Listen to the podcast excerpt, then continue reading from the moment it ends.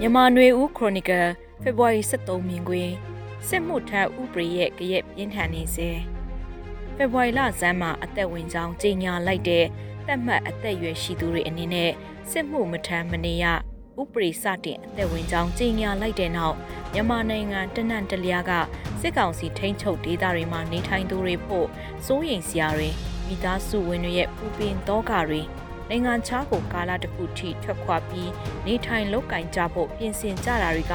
လူထုကြားထဲမှာဖြစ်ပွားနေတာသတင်းတွေထဲရောအတိမိတ်ဆွေအတိုင်းဝိုင်းမှာပါကြားသိနေရတာဖြစ်ပါတယ်။တိုင်းသားလက်နက်ကင်အဖွဲ့တွေနဲ့ပြည်သူ့ကာကွယ်ရေးအဖွဲ့တွေအနေနဲ့လည်းစစ်ကောင်စီကစုဆောင်းခံရတာကိုမခံရအောင်၎င်းတို့လက်နက်ကင်အဖွဲ့တွေစီဝင်ရောက်လာနိုင်ဖို့ဖိတ်ခေါ်မှုတချို့တွေ့လာရတာဖြစ်ပါတယ်။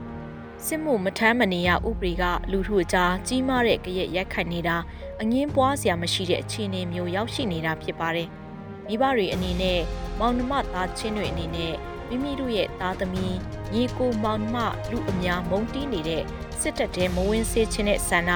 နောက်ရှုထောင့်တစ်ခုကတော့ပြပကျူးကျော်စစ်လို့မဟုတ်ပဲပြည်တွင်းမှာအချင်းချင်းတိုက်ခိုက်နေကြတဲ့ပြည်တွင်းစစ်လိုမျိုးမှာ မိမိတို့မယုံကြည်ပဲတိုက်ခိုက်တပ်ဖြတ်ခံရမယ့်အလုပ်မျိုးကိုမလုပ်လို့ကြတာပြည်တွင်းစစ်မီအရှိန်ပြင်းပြင်းနဲ့တောက်လောင်နေခြင်းစစ်တပ်ထဲဆွဲသွင်းခံရပြီးအသက်ဆုံးရှုံးကြရမယ့်အရေးတွေးတောစိုးရိမ်ကြတာစသဖြင့်ဘလို့ရှုထောင့်ကစဉ်းစားစဉ်းစားဒီစစ်မှုထမ်းဥပဒေအသက်သွင်းတာကိုလက်ခံနိုင်စရာသဘောတူနိုင်စရာမရှိတဲ့အနေအထားဖြစ်ပါတယ်။ ခုရက်ပိုင်းအတွင်းနေရီရောမြို့ကြီးတွေကလူငယ်တွေကိုပါမိဘမောင်မတွေကစစ်မှုထမ်းဥပဒေရ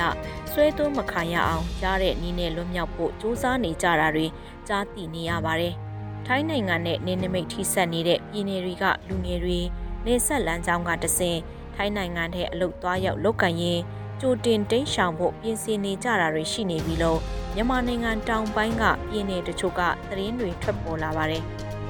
ဝေကြီးတက်နိုင်တဲ့ချို့သောမျိုးပေါ်ကသူတွေကတော့သားသမီးကိုနိုင်ငံခြားမှာကြောင်းတက်စေတဲ့နီလန်းမျိုးတွေအပူတပြင်းစုံစမ်းနေကြတဲ့အနေအထားလို့လည်းသိရပါတယ်။ဒါတွေကတိုင်းသားနေမည်မဟုတ်တဲ့မြန်မာနိုင်ငံကမြို့တွေမှာနေထိုင်ကြတဲ့သူတွေရဲ့အနေအထားနဲ့မြန်မာနိုင်ငံတောင်ပိုင်းကဒေသတချို့ရဲ့အခြေအနေဖြစ်ပါတယ်။ရှမ်းပြည်နယ်မှာတော့အခြေအနေကမတူကွဲပြားတာလည်းတွေ့ရမှာဖြစ်ပါတယ်။ရှမ်းတန်တော်စင်သတင်းဌာနကဖော်ပြတဲ့သတင်းတပုံမှာ ရှမ်းပြည်နယ်ကျေးတီမြို့နယ်တွေက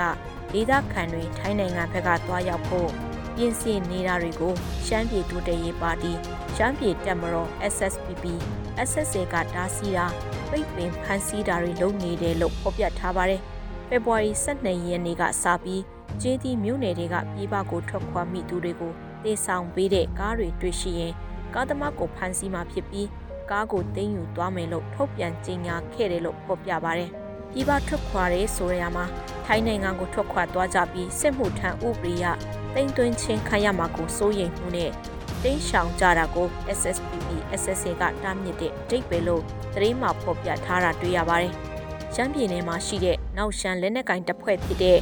RCSS ကတော့လူငယ်တွေကို၎င်းတို့လက်နက်ကင်တပ်ထဲဝင်ရောက်လာဖို့ဖိတ်ခေါ်လိုက်တဲ့ပြောဆိုချက်ရရှိတဲ့သတင်းမှလည်းတွေ့ရတာဖြစ်ပါတယ်။ KUKNA နဲ့အချို့သောတိုင်းသားလက်နက်ကိုင်အဖွဲ့တွေရှိတဲ့နေမြေတွေမှာတော့ရှမ်းပြည်နယ်လိုပြည်ပထွက်ခွာတာကိုတားမြစ်တာစုဆောင်းဖို့ဖိတ်ခေါ်တာတွေမကြားသိရသေးပါဘူး။စစ်မှုထမ်းဥပဒေနဲ့ပတ်သက်လို့စစ်ကောင်စီဘက်ကနောက်ဆက်တွဲအချက်လက်တချို့ထုတ်ပြောလာတာပြည်သူစစ်မှုထမ်းစင်ခေါ်ရေးဗဟိုအဖွဲ့ဖွဲ့စည်းတဲ့အကြောင်းထုတ်ပြန်ချက်ကိုဖေဖော်ဝါရီ23ရက်နေ့နေ့စွဲနဲ့ထုတ်ပြန်လာတာတွေ့ရပါတယ်။ဗဟိုအဖွဲ့ကိုကာကွယ်ဝင်ကြီးကြီးရေလေးညှိကွက် ပြည်ထဲဝင်ကြီးတို့ပါဝင်တဲ့ဗဟိုအဖွဲ့အနေနဲ့ဖွဲ့စည်းထားတာတွေ့ရမှာဖြစ်ပါတယ်။စစ်ကောင်စီရဲ့ပြောခွင့်ရသူကိုချုပ်စောမင်းထွန်းက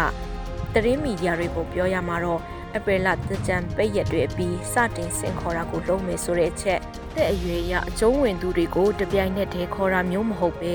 အတုတ်လိုက်ခေါ်ယူမဲ့အနေထားကဘယ်သူကိုဦးစားပေးခေါ်မဲ့စီးနေထည့်သွင်းမယ်ဘယ်သူတွေကိုတော့နောက်အတုတ်တွေမှာထည့်သွင်းမယ်ဆိုတာမျိုးဆုံးဖြတ်ခွင့်ရှိမဲ့ စစ်မှုထမ်းစင့်ခေါ်ရေးကော်မတီတွေရဲ့လက်စားဖို့အခွင့်အလမ်းလည်းဖြစ်စေမှာခန့်မှန်းနိုင်ပါတယ်။အခုလိုပြည်တွင်းစစ်ကာလမှာစစ်မှုထမ်းဥပဒေအသက်သွင်းခြင်းဟာတစ်ဖက်ကကြည့်ရင်အကြံကုန်လို့ဘလုံစားချစ်တဲ့ဥပမာလိုဖြစ်ပြီးမျောလင့်မထားတဲ့ထိမ့်ချုပ်ဖို့မလွယ်ကူတဲ့အကျိုးစစ်တွေအများပြားပေါ်ထွက်လာနိုင်တာဖြစ်ပါတယ်။တိုင်းသားလက်နက်ကိုင်အဖွဲ့တွေပြည်သူ့ကာကွယ်ရေးအဖွဲ့တွေစီတပ်ဖွဲ့ဝင်အဖြစ်ဝင်ရောက်တာမျိုး တော်လှန်ရေးအင်အားစုတွေအကျိုးအမြတ်ထွက်စေနိုင်တာလည်းဖြစ်ကောင်းဖြစ်နိုင်ပါတယ်